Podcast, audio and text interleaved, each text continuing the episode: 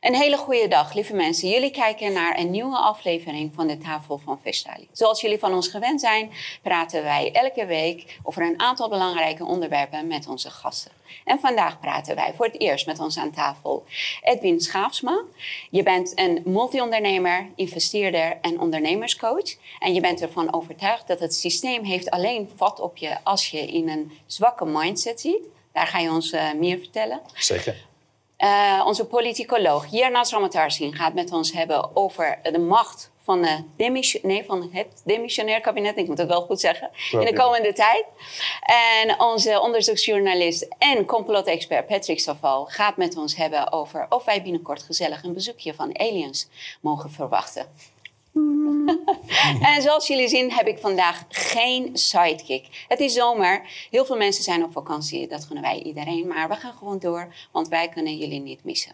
We praten over ondernemerschap en mindset. We praten over politiek. We praten over aliens. Geen sidekick. Lieve mensen, dit is de dertiende aflevering van de Tafel van Vestali.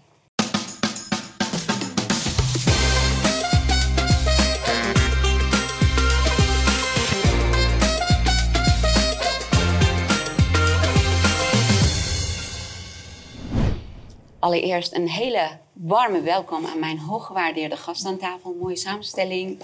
En we gaan gelijk eh, beginnen met onze eerste uh, gast. Je bent voor het eerst bij ons aan tafel, zoals ik zei. En je bent een multi-ondernemer, mm investeerder. En samen met je vrouw Julia begeleiden jullie ondernemers om succesvol te kunnen ondernemen.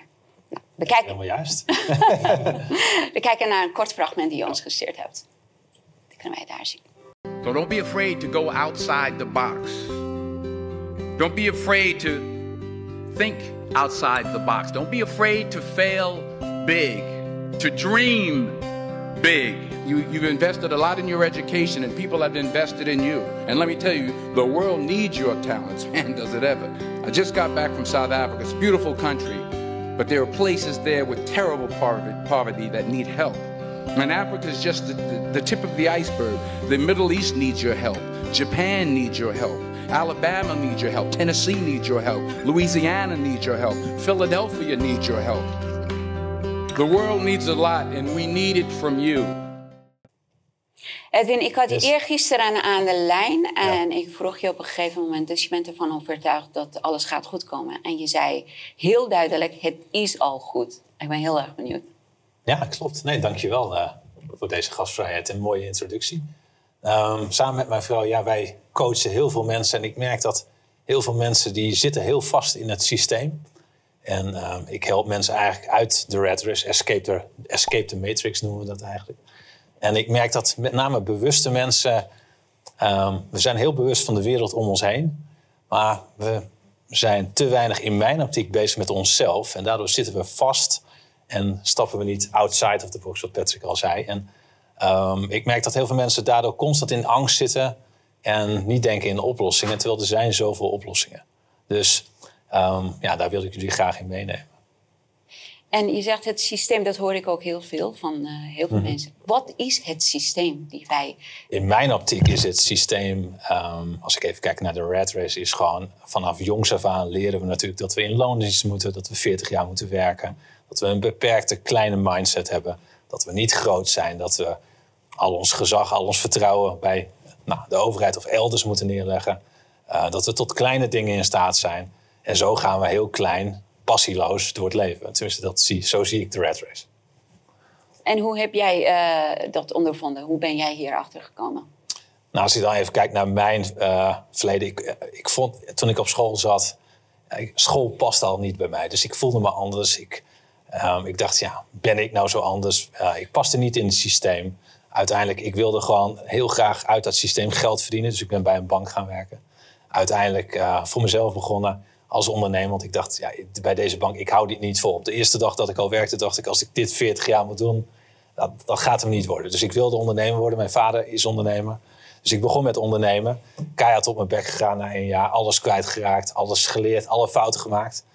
Um, en toen kwam ik er ook achter van, joh, ik heb ja, tekortkomingen of ik snap bepaalde dingen niet. Niet over geld, niet over hoe het systeem werkt. Nou, een jaar later leerde ik mijn vrouw kennen, Julia. Zij wilde graag ondernemer worden. En toen in één keer viel het kwartje van, joh, uh, samen zijn we een perfecte aanvulling. Zij is heel goed in het, met name processen. Nou, en ik het strategische, het, het zweverige, zeg maar. En eh, samen hadden we heel snel succes. Dus we begonnen geld te verdienen. We werden succesvolle ondernemers, begonnen onze bedrijven te verkopen. En toen op een gegeven moment hebben wij gezegd van... joh, uh, we, ik ben er klaar mee, ik stap uit. Nou, even de matrix. Uh, we gaan in Spanje wonen, tijd voor mezelf, tijd voor mijn zoontje. Zoontje van zes, Jordan. En toen zijn wij afstand gaan nemen. Dus toen zijn we onszelf heel erg gaan ontwikkelen in, ja, uh, in ja, hoe ziet de wereld eruit. Ik werd bewust op het geldvlak. Ik werd bewust op, ja, op eigenlijk elk vlak, gezondheid.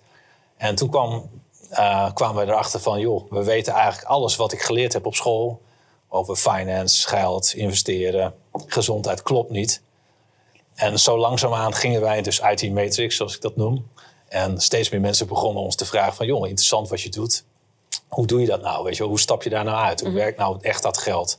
Hoe werkt het nou op gezondheidsvlak? Mm -hmm. nou, dus along the way, wat uit hobby begon, uh, is inmiddels coachen wij honderden mensen om daadwerkelijk eruit te stappen. En die reis begint bij jezelf. En daar neem ik mensen graag in mee. Ja, ik heb ook op jullie website gekeken. Heel veel succesverhalen. Ja, het is eigenlijk vrij eenvoudig, klopt. Ja. ja. Ik heb een aantal vragen uh, geschreven. Uh, wat adviseer je iemand die uit het systeem wil stappen, maar geen middelen heeft? In mijn optiek, heel veel mensen zeggen altijd: ja, jij hebt makkelijk praten, want jij hebt geld. Maar ze realiseren zich niet dat geld komt vanuit een mindset. Dus het is niet zo dat ik op een ochtend wakker werd en miljoenen op mijn rekening had. Dat begon ver daarvoor. Dus geld ontstaat vanuit een positieve mindset, een bepaalde aanpak, een bepaalde mindset, bepaalde doelen.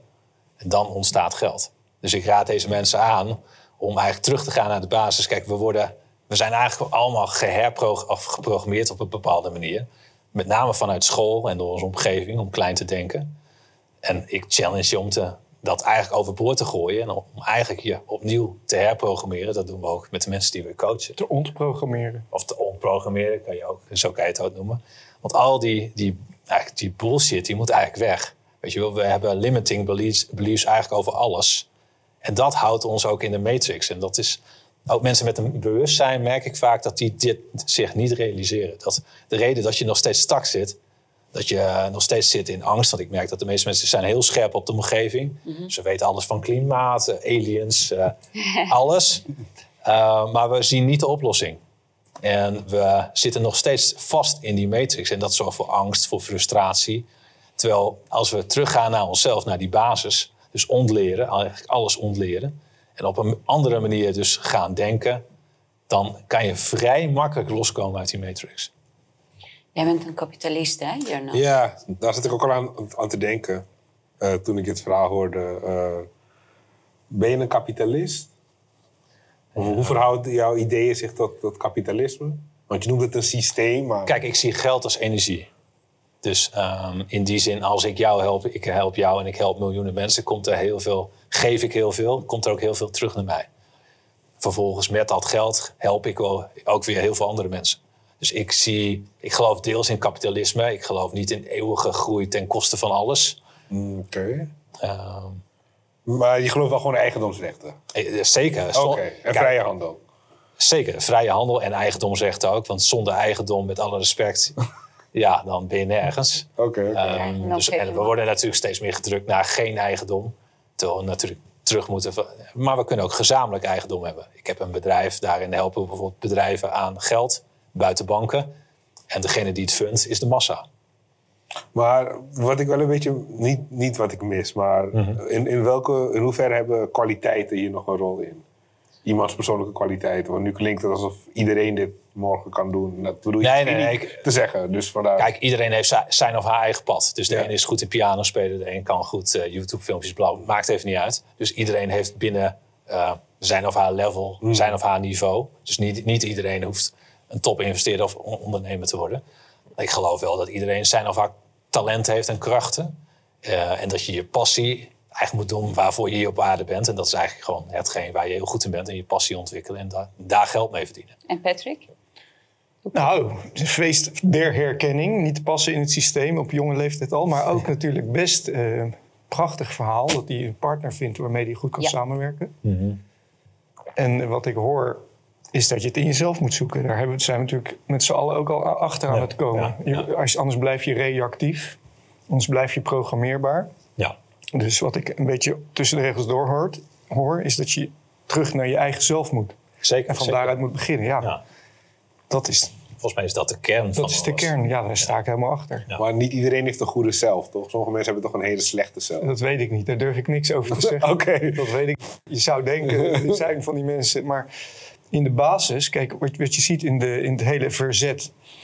Om dat er even bij te halen tegen het systeem. Ja. Dat verzet bedient zich van dezelfde manieren, methodes en denkwijzes als het systeem. Exact hetzelfde. ja. Dat, dat, is, dat is oppositie, dat is het systeem. Sterker nog, dat soort verzet Ja, is het regime van morgen. ja klopt. Dat, dus dat, we zitten in die loop. Ja. En ik zie dat we er allemaal ingedoken zijn. Dus dit spreekt me heel erg aan. Ik, eh, Nou ja, het valt mij ook op. nee, al de alternatieve media, we hebben het steeds over wat er aan de hand is. Maar we komen niet met oplossingen. nee. Maar Dat- die oplossingen die zoeken we dus altijd buiten onszelf. Altijd. En wat jij zegt, wat Altijd. ik ook wat mij aanspreekt, dat moet je in jezelf zoeken. Ja, En daarvoor moet je Ja. dus ja, een soort spirituele reis gaan maken misschien, maar ook een soort, soort eh, ontleringsreis. eh, zeker. En daarvoor openstaan. Want ik hoor, eh, we hadden net hiervoor een gesprek, eh, je had ook wel eens de truffels geprobeerd. Ja, je zo. had hele bijzondere dromen, maar daar, dat is ook een deel van eh, ontwikkeling die je moet doorgaan. Ik, eh, toen ik je aan de lijn had, eh, vroeg ik je, werk je heel erg hard? En heel veel, je zei nee, ik werk heel gefocust. Ja, ik werk een paar uurtjes over, over het algemeen in de ochtend, drie, vier uurtjes. Heel gefocust. Vanochtend eerst eh, gaan zwemmen in een meer. Meestal doe ik dan even een momentje over. In een meer, wacht even, waar woon jij?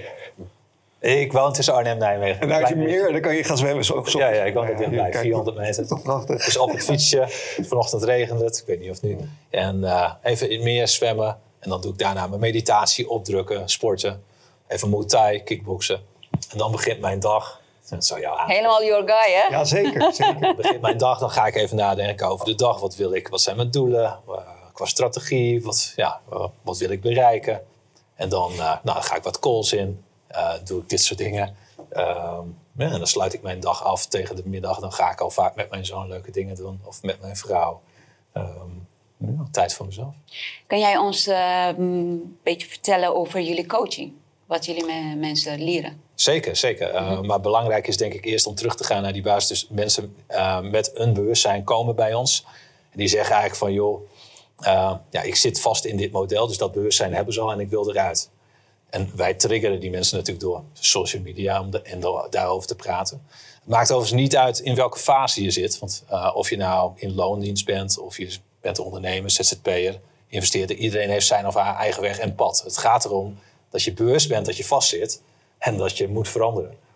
En als je wilt veranderen, dan kunnen wij je helpen. En daar hebben we hele programma's uh, voor ontwikkeld. Julia is overigens een veel betere coach dan ik. Ik ben meer de inspirator. Maar samen zijn we heel goed. En wij hebben een programma die ze doorlopen. En dat is met name de juiste stappen, mindset. Waardoor die mensen heel snel groeien in een korte tijd. En dat is heel mooi om te zien. Dat zie je ook op onze website. Ja. Het gros van de mensen verandert tussen de, ja, tussen de 2 en de 12 maanden geheel. En is dan al ook in staat om heel anders te denken. En kijkt heel anders naar het systeem. En hoe intensief is jullie programma? Is dat gewoon ieder dag? Uh, aantal nou, wij, wij, hebben een heel intens programma, dat is voor ondernemers. Um, wij hebben een aantal online dingen. Dus uh, online kan je heel veel volgen. Met name als je nog uh, ZZP'er bent of je bent in loondienst. Dus dat kun je gewoon... Wij, willen eigenlijk haak, wij, wij geven steeds um, eye-openers. En willen haakjes geven van dat je gaat nadenken over waar je staat. Nou, dat hebben wij online gemaakt. En ons intens programma Growth Accelerator, dat is met ondernemers zelf. Dat is elke week coaching live met Julia en mij. En hoe lang duurt zo'n... Uh, Die is twee maanden. Dus we hebben twee maanden nodig om je ongeveer te shiften. Om, te resetten, zeg om maar. Te resetten. Great reset. De Great Reset. En daarna begint wel de, de reis. Het houdt nooit op. Hè? Dus dit is een ongoing iets. En dat is heel... Ja, ik vind dat fantastisch om te doen. Dat is gewoon mijn purpose, zo zie ik dat. En als ik dat uh, mag doen, ja, ik vind het... Uh... Hebben jullie ook mensen gehad die helemaal gefaald zijn in jullie programma? Zeker. Meer? En hoeveel is dat? 10 procent. 10%. Dus van elke groep valt uh, 10 procent af, altijd. En dat uh, is meestal... Falers. Nee, wel, niet falers. Ik zie, nee, dat, maar dat zijn over het algemeen mensen die toch niet... Uh, die denken dat wij een trucje uh, leren. Die toch niet ervoor openstaan. Um, dus die doen de oefeningen niet, de opdrachten. We geven heel veel opdrachten, heel veel oefeningen. Heel veel met mindset. Maar het is een kwestie van doen. Je moet gewoon dingen gaan doen. eh, en ervaren. En dan ga je zien dat je groeit. Maar als je ze niet doet, ja, dan kan ik je ook niet helpen. Hoe heet jullie programma? Growth Accelerator. Growth Accelerator. En jullie website is? edwinjulia.com. Edwin. Heb jij nog vragen voor Edwin? Nou, nee, ik heb wel enorm veel ideeën als je zo zit te praten. Misschien moeten we na afloop... Ja, ja. Allemaal kansen. Ja. Wat, wat, wat ik, wat ik vaak heb bij dit soort initiatieven is dat, kijk, het werkt duidelijk voor hem. Ja. Dus dat is voor mij al Ja. genoeg in principe. Ik bedoel, Ja, ja. Weet je, snap je? Ik bedoel, het is niet Ja. eh, dat, dat jij iets verkoopt wat, jij niet, wat jou niet succes heeft gebracht. Nee, Ja. nee, klopt. Alleen, bij mij is altijd inderdaad de twijfel, hoe repliceerbaar is dit? Maar hé, hey, weet je, als mensen hier interesse hebben en hij eh, kan ze daar goed in trainen, dan toch de Kijk, heb ik er geen eh, bezwaar tegen. Nee, zeker. Dus, Ja, maar maar ik- waarom, ik hou ook van de geloofwaardigheid ervan. Dus als je zelf ik. succesvol Ja, bent, maar past dat bij iedereen? het Nee. voor mij meer dan... Kijk, dit jaar bijvoorbeeld coachen wij een paar honderd mensen. Ik weet dat ik duizenden inspireer. Op het gaat mij erom, ah, joh, als ik die mensen inspireer en ze, hebben daar, ze pakken al iets op, dan ben ik toch wel heel blij mee. Dus eh, we hebben nu heel veel ondernemers die in de problemen zijn gekomen omdat ze Ja. die coronafonds moeten terugbetalen. Ja, Eh, krijgen jullie heel veel aanmeldingen van zoals... nee? nee. Nee, willen ze niet? Eh, ja, je krijgt die aanvragen niet, van die ondernemers niet. Dus ik ken ze ook niet. Oké. Nee. Oké. Nee, nee. nee, ja, heel Nee, nee. Eh, misschien zit ik in andere... andere- Dimensie, zeg maar. Andere dimensie, maar je buiten de krijgt bubbel. buiten die bubbel en je krijgt die aanvragen niet. Jij was eh, iets aan het eh, vertellen toen, toen Jernas met zijn vraag kwam. Nee, nee, die kansen die ik zie. Ik, ik ben Ah. een beetje hetzelfde pad gaan volgen. Ik, kom, eh, ik, ik word nu overal gecanceld als ICT-architect. Ja, Dus ik ben- denk dat wij, wij Ja. met z'n drieën, alle drie.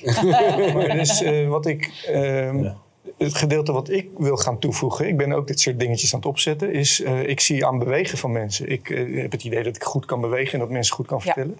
Maar ik zie aan het bewegen van mensen hoe ze hier vastzitten.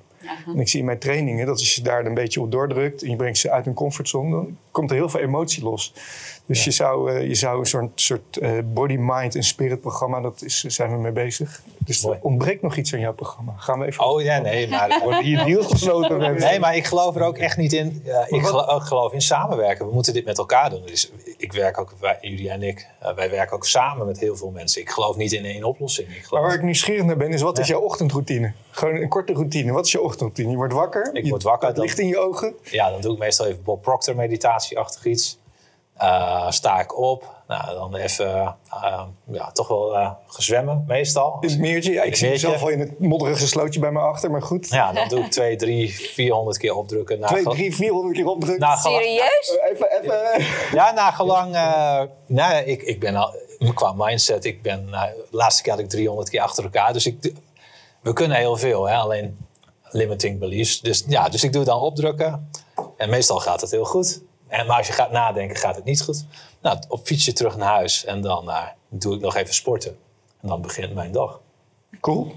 Ja. Lijkt het een beetje op jou? eh, Nee, ik, ik, doe, ik doe wat met ademhaling meer. Ik Kan het er wel Ja, dat doe ik ik tegen ga, de het- Ik ga het op hun, ja, op hun dag, op de BVNL-dag. Ik heb niks met politiek, hè, maar eh, Nee. drie, vier, vijf minuten om even het publiek met ademhaling, ook de houding. En al, daar is, maar ik heb ook zo'n soort routine. ademhaling is echt moeilijk. En hoor, eh, als maar je drie, vierhonderd keer opdrukken, dat, zal je bij, dat gaat mij nooit lukken hoor. Dat, eh, Dat is heel taai. Nee, maar ademhaling ben ik dat vinden wij groot- makkelijk. Hè, ja, ja. En eh, nou, voordat we heel erg afdwalen, maar ik merk aan in mijn trainingen dat mensen gewoon al, begrijpen al niet dat die dat middenrif is een spier die ook moet trainen. Ja. En die brengt niet alleen dus ademhaling, is, brengt gezondheid, maar ook houding. Ja. Dus ik heb het op die manier doe ik het zelf volgens Mooi, ochtends. We gaan dit onderwerp afronden. Dank. Dankjewel voor wat je met ons hebt gedeeld. En eh, ik ben zeer geïnteresseerd. Ik ga meer kijken op jullie website. Ik heb gisteren even dat doorgenomen. Ik vond het heel interessant. Dus, Nou, eh, we gaan ook het linkje onderaan deze Ja, video eh, Ah. plaatsen. Voor mensen die daar geïnteresseerd in zijn. Ons volgende onderwerp. Hierna Ja, zullen we kijken naar een kort fragment. van Mark Rutte. Ja.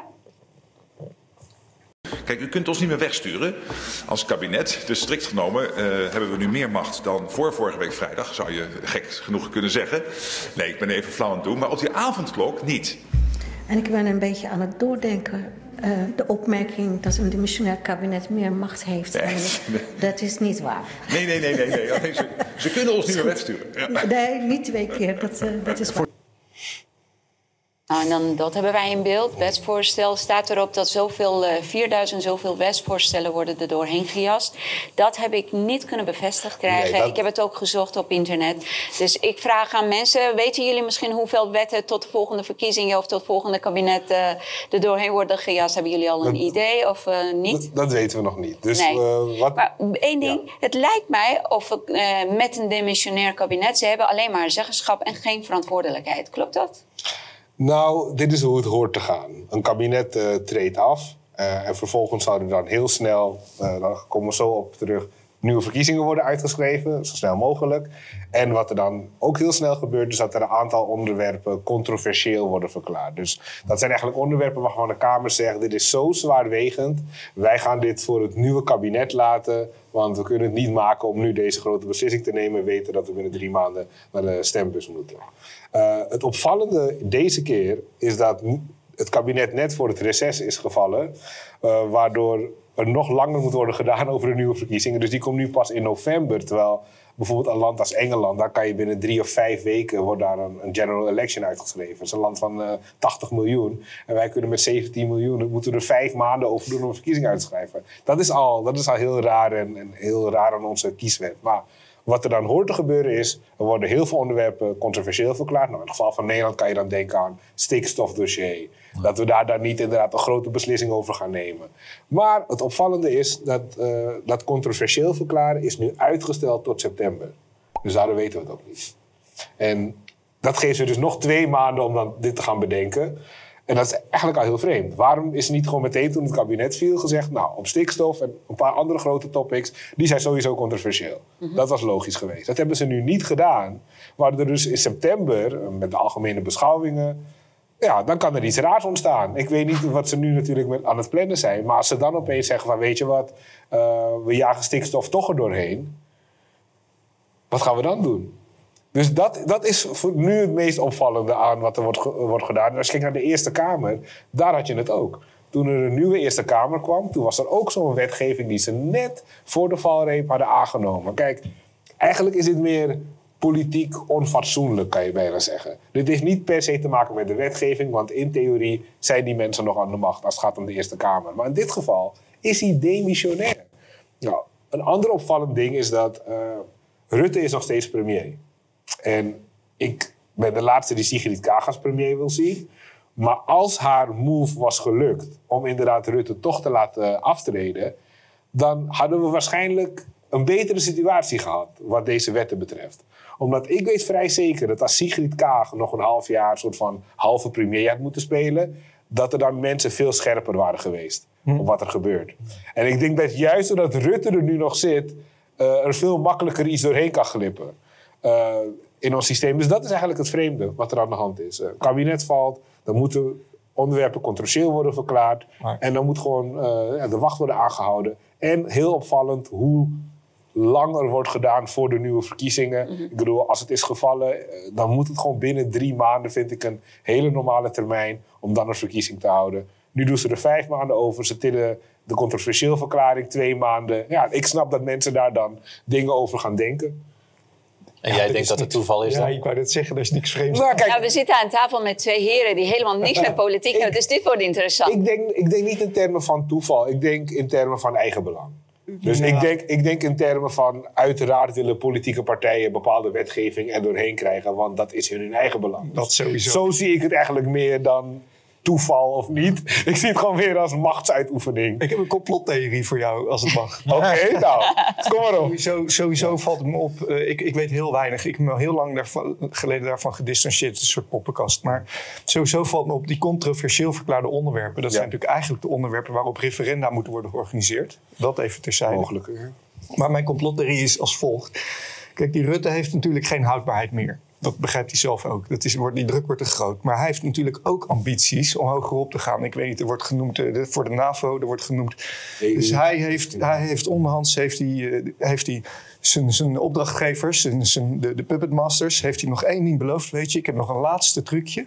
En als ik dat voor jullie voor elkaar krijg, dan krijg ik dat en dat positie, die en die positie. Hij zei, nou, dat is goed, zeggen die gasten. Aan de sigaar. En, eh, en eh, dat laatste trucje is dus dit. Hij, eh, hij laat die, hij, in die tijd die hij nu heeft, gaat Ja. hij al die controversieel verklaarde op, eh, onderwerpen gaat hij er doorheen jassen. En dan heeft hij voldaan aan zijn opdrachtgevers, aan zijn opdrachten. En krijgt hij die mooie positie. Dat is mijn complottheorie. Dus gewoon En wat vind je van deze? Eh, vanuit het perspectief van Rutte zou dit kunnen kloppen. Alleen je hebt nog wel heel veel andere mensen ervoor nodig. Hij zou natuurlijk nog steeds de coalitiepartijen nodig moeten hebben om die stikstof er doorheen te krijgen. Die coalitiepartijen staan onder dezelfde druk. Die hebben ook verkiezingen die eraan komen. En die zijn niet politiek uitgespeeld zoals Rutte. Dus iemand als een Caroline, of niet Caroline, maar iemand als een Rob Jetten, ik noem even wat. Nou, die wil nog jarenlang in Den Haag opereren.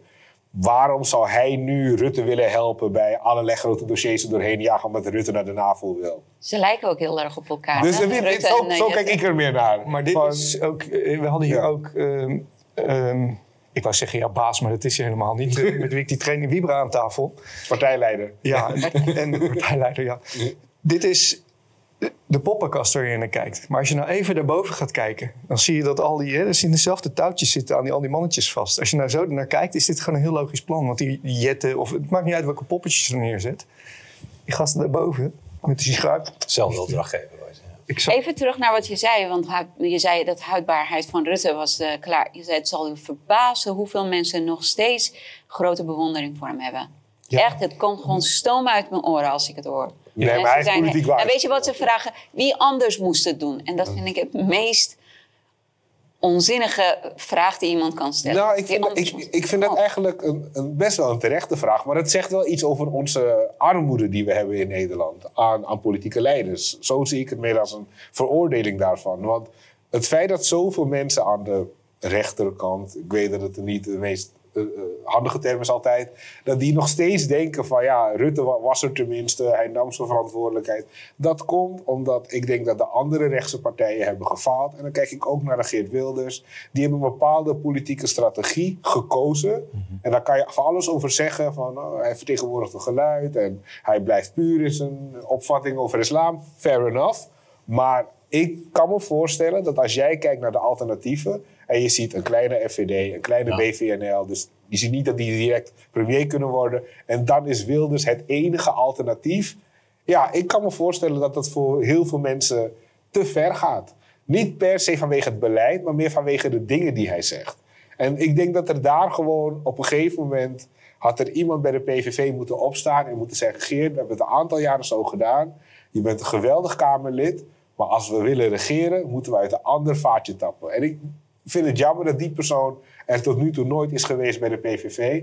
En daardoor blijft die partij ja, een beetje een soort schaduwpartij. control to position. Eh, dat ja, ik zie, is dat niet bewust gewoon gedaan. Maar gewetensvraag. ja, ik heb daar geen bewijs voor, laat me het zo zeggen. Ik snap het idee Die erachter. vermoeden wel. eh, Nee, maar een gewetensvraag aan jou. Die, wat jij beschrijft is de poppenkast. We zitten allemaal zo voor die poppenkast. En Jan Klaassen komt eraan. En Katrijn heeft het niet in de gaten. En al die kindertjes zitten, "Ah", zitten zo te gieren. Ja. Vind jij het raar dat, als, dat wij zeggen er is nog een laag boven? En daar, daar gebeurt het? Of, Ik, of, ik- nee, nee, ik geloof in belangen. Ik geloof in kleine maar dat belangen. klinkt voor mij als een nee. Nee, hoe moet ik het zeggen? Ik geloof niet dat er een. Ik geloof dat de verklaring voor het gedrag nog steeds te vinden is in de menselijke aard. Laat me het zo verwoorden. Dus het idee dat er mensen zijn met belangen die hoger gaan dan die van Nederland, of die hoger gaan dan die van Rutte, en dat die een belang hebben om Rutte aan te moedigen. Tuurlijk, dat erken ik. Alleen wat, waar ik afhaak, en ik weet niet of jij daarvan bent, maar bij sommige mensen wordt die hogere macht of als een vaststaand gegeven gepresenteerd van iets dat er altijd zal zijn. Daar geloof ik niet in, want ik geloof in vrije wil. Dus ik geloof dat we ook in staat zouden zijn om, als het systeem er is, om het af te kunnen werpen. Want mensen kunnen nee zeggen. Daar geloof ik nog steeds in. Dus omdat ik een vrije wil aanhanger ben, kan ik niet meegaan in het idee van een vaststaand iets wat altijd zo zal zijn. Sommigen presenteren het als bijna een supernatuurlijk iets. En daar geloof ik niet in, want ik ben gewoon een atheïst en ik geloof in wat bestaat en wat ik kan waarnemen. Dus afhankelijk van hoe jij een hogere macht bedoelt, ja, zou je me kunnen overtuigen. Alleen op het moment dat het een soort vaststaand iets is, of als mensen. eh, ja, dan, dan begin ik af te haken. Dus ik ben in die zin echt een objectivist en een Ayn Rand volger. Het gaat voor mij om belangen en egoïsme. En dat ik geloof dat mensen handelen vanuit eigen belang. En je hebt kwaadaardige mensen. En die hebben een kwaadaardig eigen belang. Dus daar geloof ik wel Ik in. heb een vraag aan Edwin. Als het eh, een grotere macht daarboven is die alles gewoon als een eh poppenkast laat spelen. dan hoe kunnen mensen uit die matrix ontsnappen? Dat kan toch niet? Want als alles wordt bepaald en voor ons, weet je, als wij een bepaalde ruimte hebben om daarin te opereren, dan kan je toch niet uit die matrix snappen? Zeg ik Ja, de vraag een beetje ik- duidelijk? Of? Nee, ik snap wat je zegt. Ja. Ik hou me net als Patrick niet bezig met politiek. Ik zie dat ook als een poppenkast waar ik geen invloed op heb. Ehm, ehm, dus ik, ja, hoe zie ik dat? Kijk, eh, de elite zelf eh, ontkomt ook aan alle beperkingen. Dus er is een hele groep die nergens rekening mee houdt. Die vliegt overal doorheen. Letterlijk. Letterlijk. In de privé. Ja. Ja, ja, ja. Ehm, dus er, er zijn altijd loopholes, er is altijd ruimte. En ik, ja, ik denk vanuit mijn eigen kracht, ik hou me daar helemaal niet mee bezig. Nee, maar kijk, als jij zo zegt dat alles wordt bepaald. Kijk, dan begint het mij een beetje van... Oeh, be- ben je nu vrije wil aan het ontkennen? Of bedoel je iets anders met alles wordt bepaald?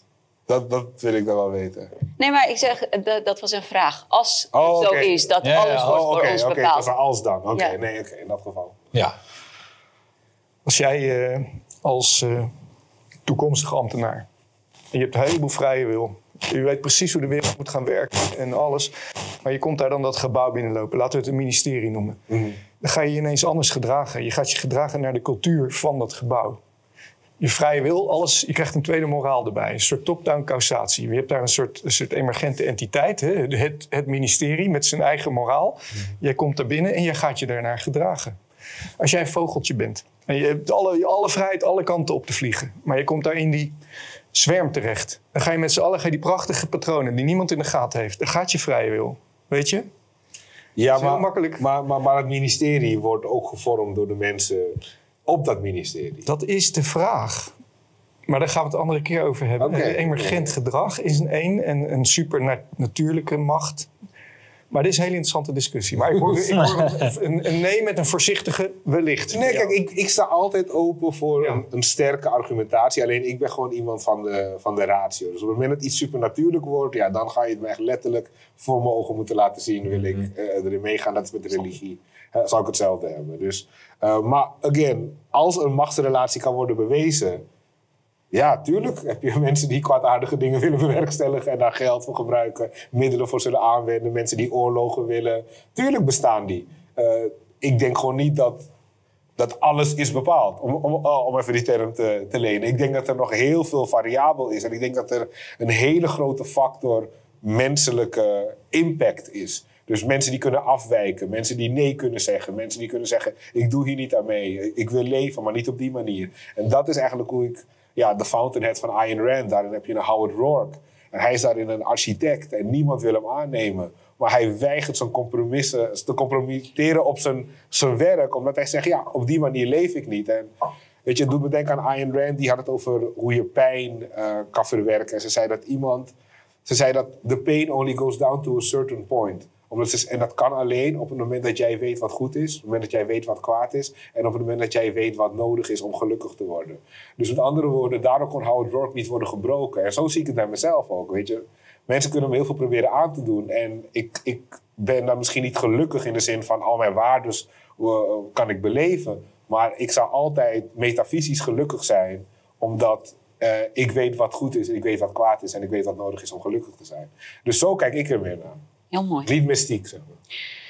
Ik heb een laatste vraag aan jou over eh, onze geliefde eh demissionair premier Rutte.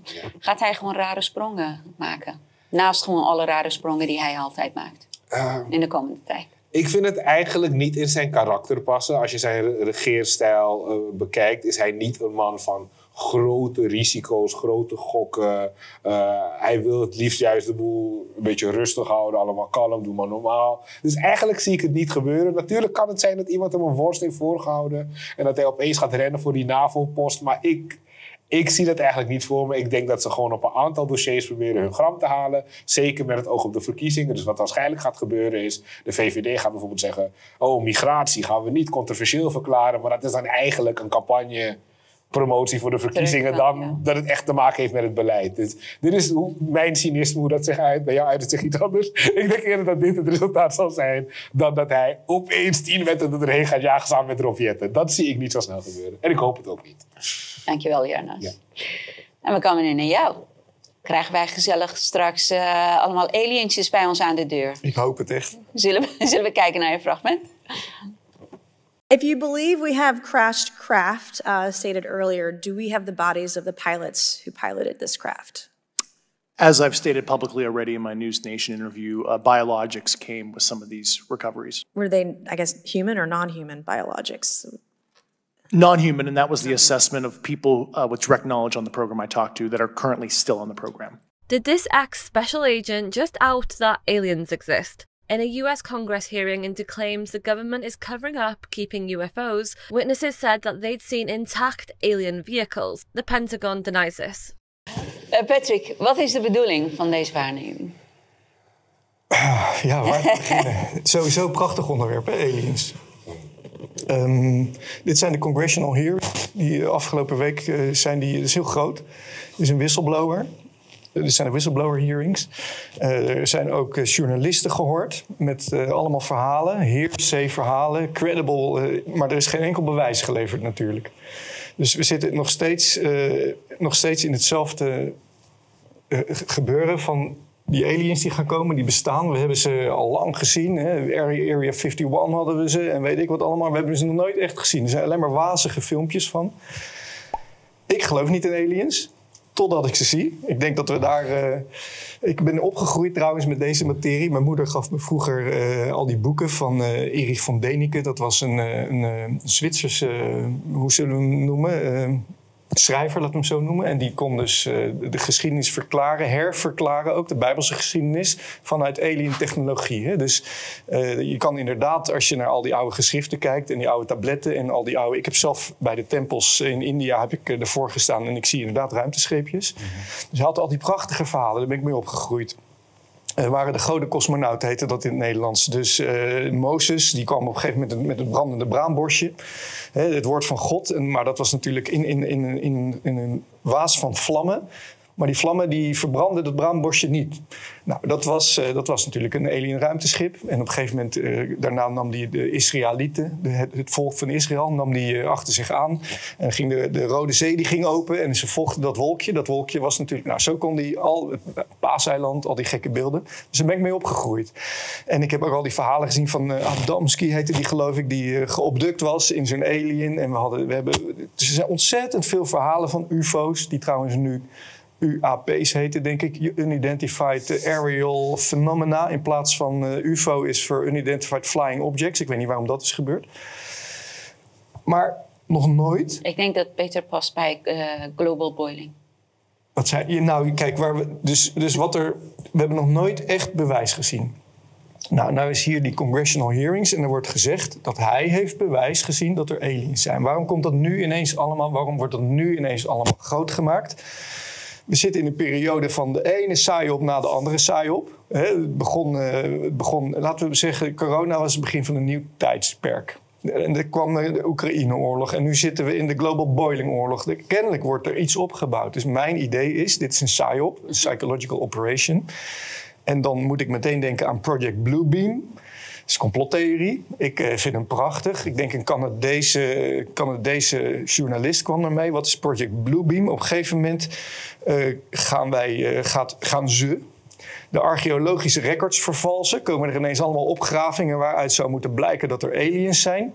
Vervolgens uh, worden er met uh, projectietechnieken gaan er straks allemaal aliens uh, worden geprojecteerd overal op de wereld. Dat wij ze allemaal zien. Dat is stap 2. Stap 3 zou dan zijn, we gaan gemind-controlled worden met 5G-achtige technologie.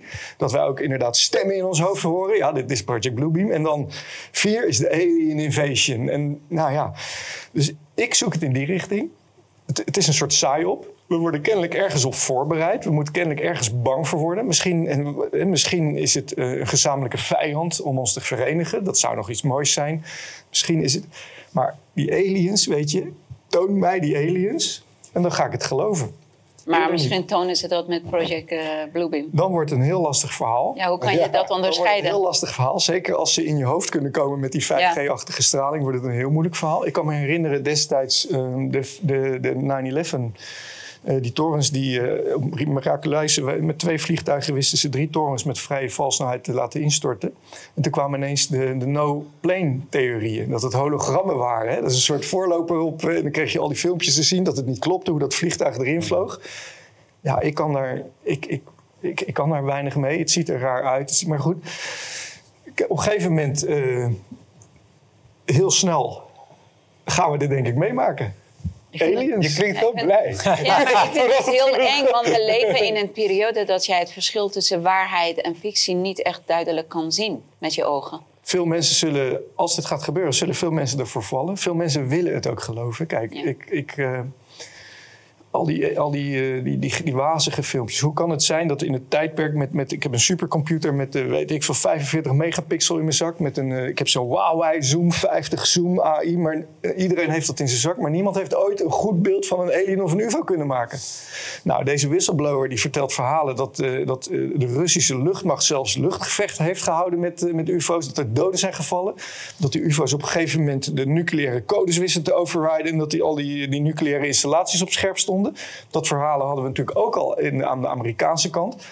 Ja, je kan, je kan zeggen wat je wil. Maar het, het toneelstuk wordt natuurlijk nu al heel groot. Nu het Amerikaanse congres daar ook gewoon een week aan besteedt. Dus eh, sowieso leuk. Kijk eens naar Project Bluebeam. Ja. Ik denk dat het onzin is. Ehm, maar die, dat dit een saai-op is, dat is mijn, dat is mijn eh, inschatting.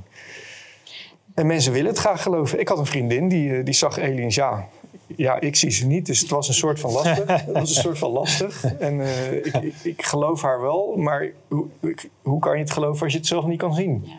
3D-bioscopen zijn ook eh, zo, hè? Dat, je ziet gewoon dat de objecten uit het scher- scherm Dat is meer die komen. augmented reality is dat. Augmented reality, maar nou schijnen ze dan eh, technologie te hebben waar je hologrammen kan maken. Ja, Ja. ik, Ja. weet je, in, in Las Vegas en zo, in dat Ja. soort plaatsen heb je natuurlijk hele prachtige Elvis-recreaties. Klopt.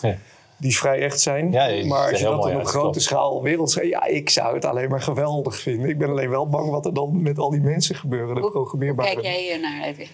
Ja, het is ongetwijfeld een psyop. Uh, geloof ik in buitenaardse leven? Ja, denk het wel. Maar in ieder geval, dit is een psyop. Dat is heel duidelijk natuurlijk. Je ziet alweer dezelfde move als met klimaat en hetzelfde. Dus dit wordt weer een kant opgestuurd. Waar ik dan benieuwd naar ben, is waarvoor doet men het? Dus wat is nou weer het plan? Dat vind ik. Ik zie er nog geen... eh, als complotdenker hè, denk je in patronen. Nou, dus Ja. hij haakt aan. We zien die patronen weer. Ja. Eh, maar je denkt dan ook cui bono. Of hè, wat... wat ik, ik zie nog niet waar dat heen... Nee. Wat zouden ze ermee willen bereiken? Waarom zouden we aliens nodig hebben ergens voor? Dat is Ja. Nou ja, het kijk- is angst vaak. Hè? Dus Wa- Waarom ik een beetje twijfel aan het, aan het saai verhaal is omdat, laten we zeggen dat eh Grujat Roswell in 51, toch? Kijk, als Roswell niet echt was, dan had de overheid ook gewoon kunnen zeggen: wij verzinnen nu dat aliens bestaan en op die manier houden we de bevolking in bedwang, want we zeggen hun dat wij alleen hun kunnen beschermen tegen aliens. Dat is op zich een vrij standaard government move, toch? Er wordt gepraat over een gevaar. Nou, je adopteert het en je zegt: wij, wij gaan je beschermen, don't worry. Dus of Roswell was wel gebeurd en toen heeft de overheid gezegd: oeh nee, de mensen kunnen het niet aan en dan komen wij als zwak over. Dus we willen nu juist niet dat mensen weten dat aliens bestaan.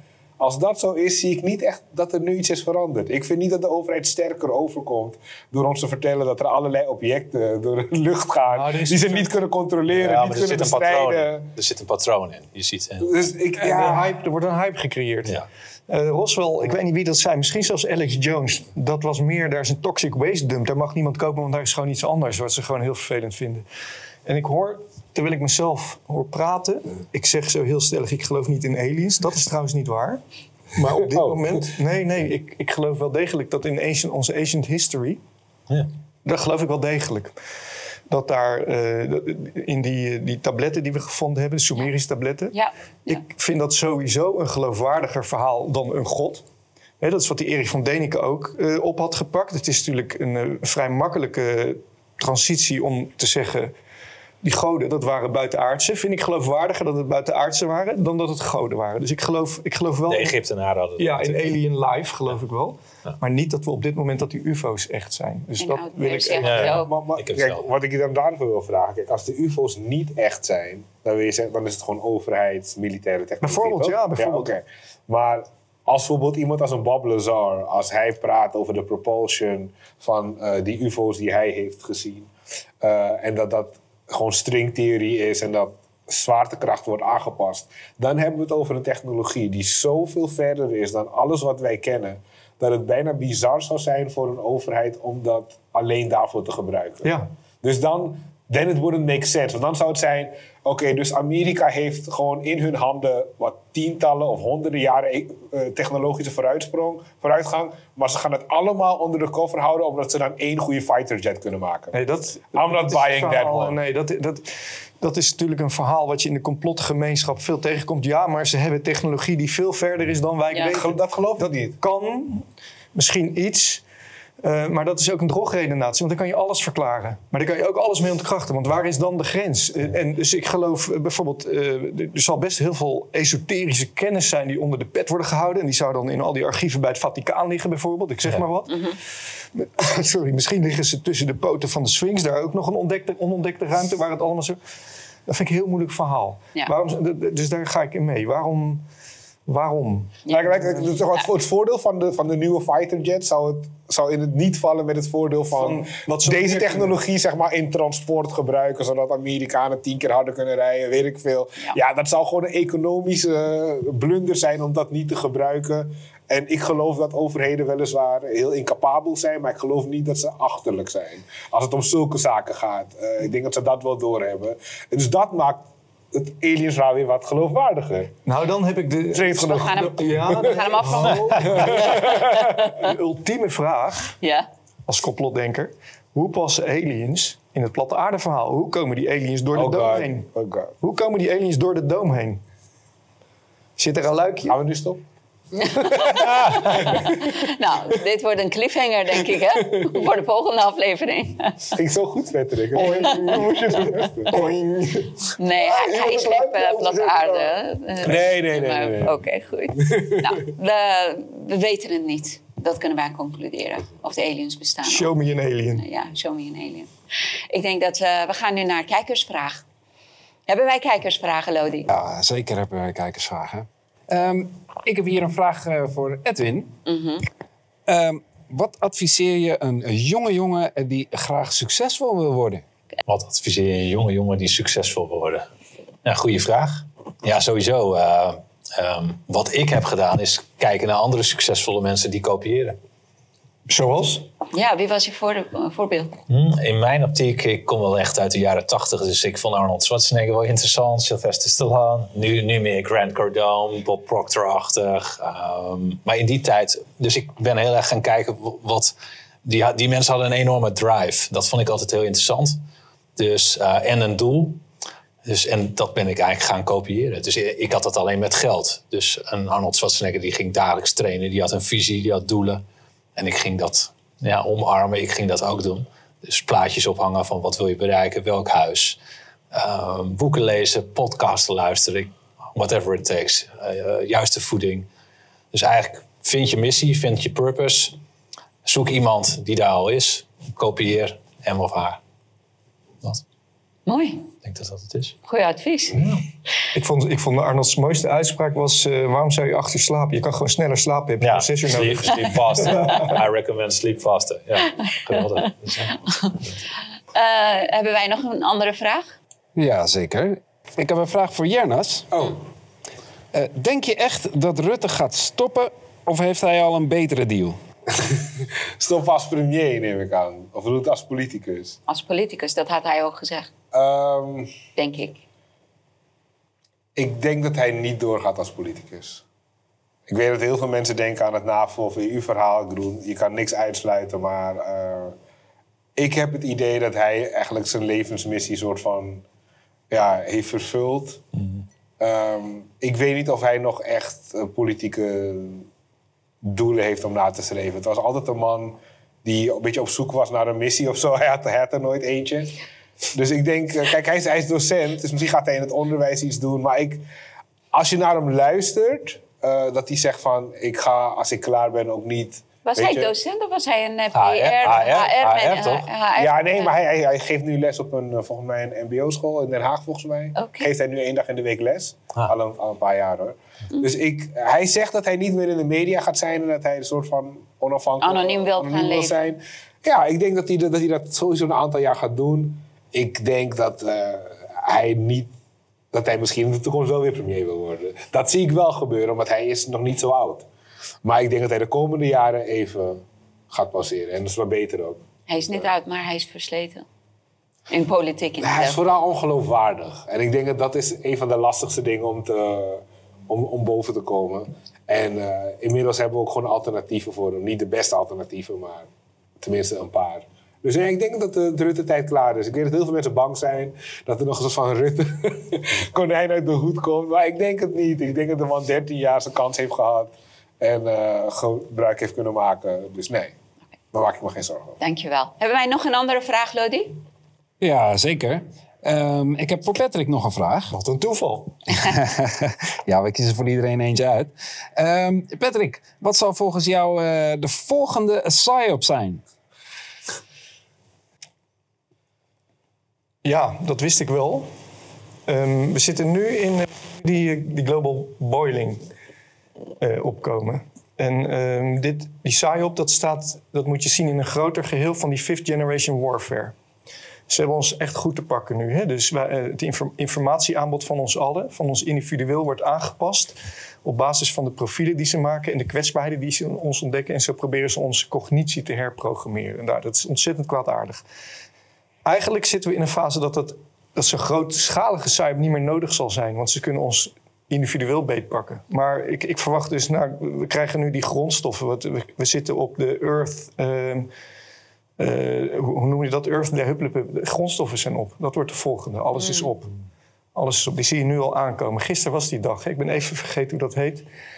Ehm, we, hebben dit, we hebben, gisteren hadden we al alle grondstoffen die eigenlijk dit jaar voor ons beschikbaar zouden zijn vanuit de aarde, zouden gisteren al op zijn. Dat is onzin trouwens. Dat ligt een beetje aan welke economische eh, theorie erop loslaat.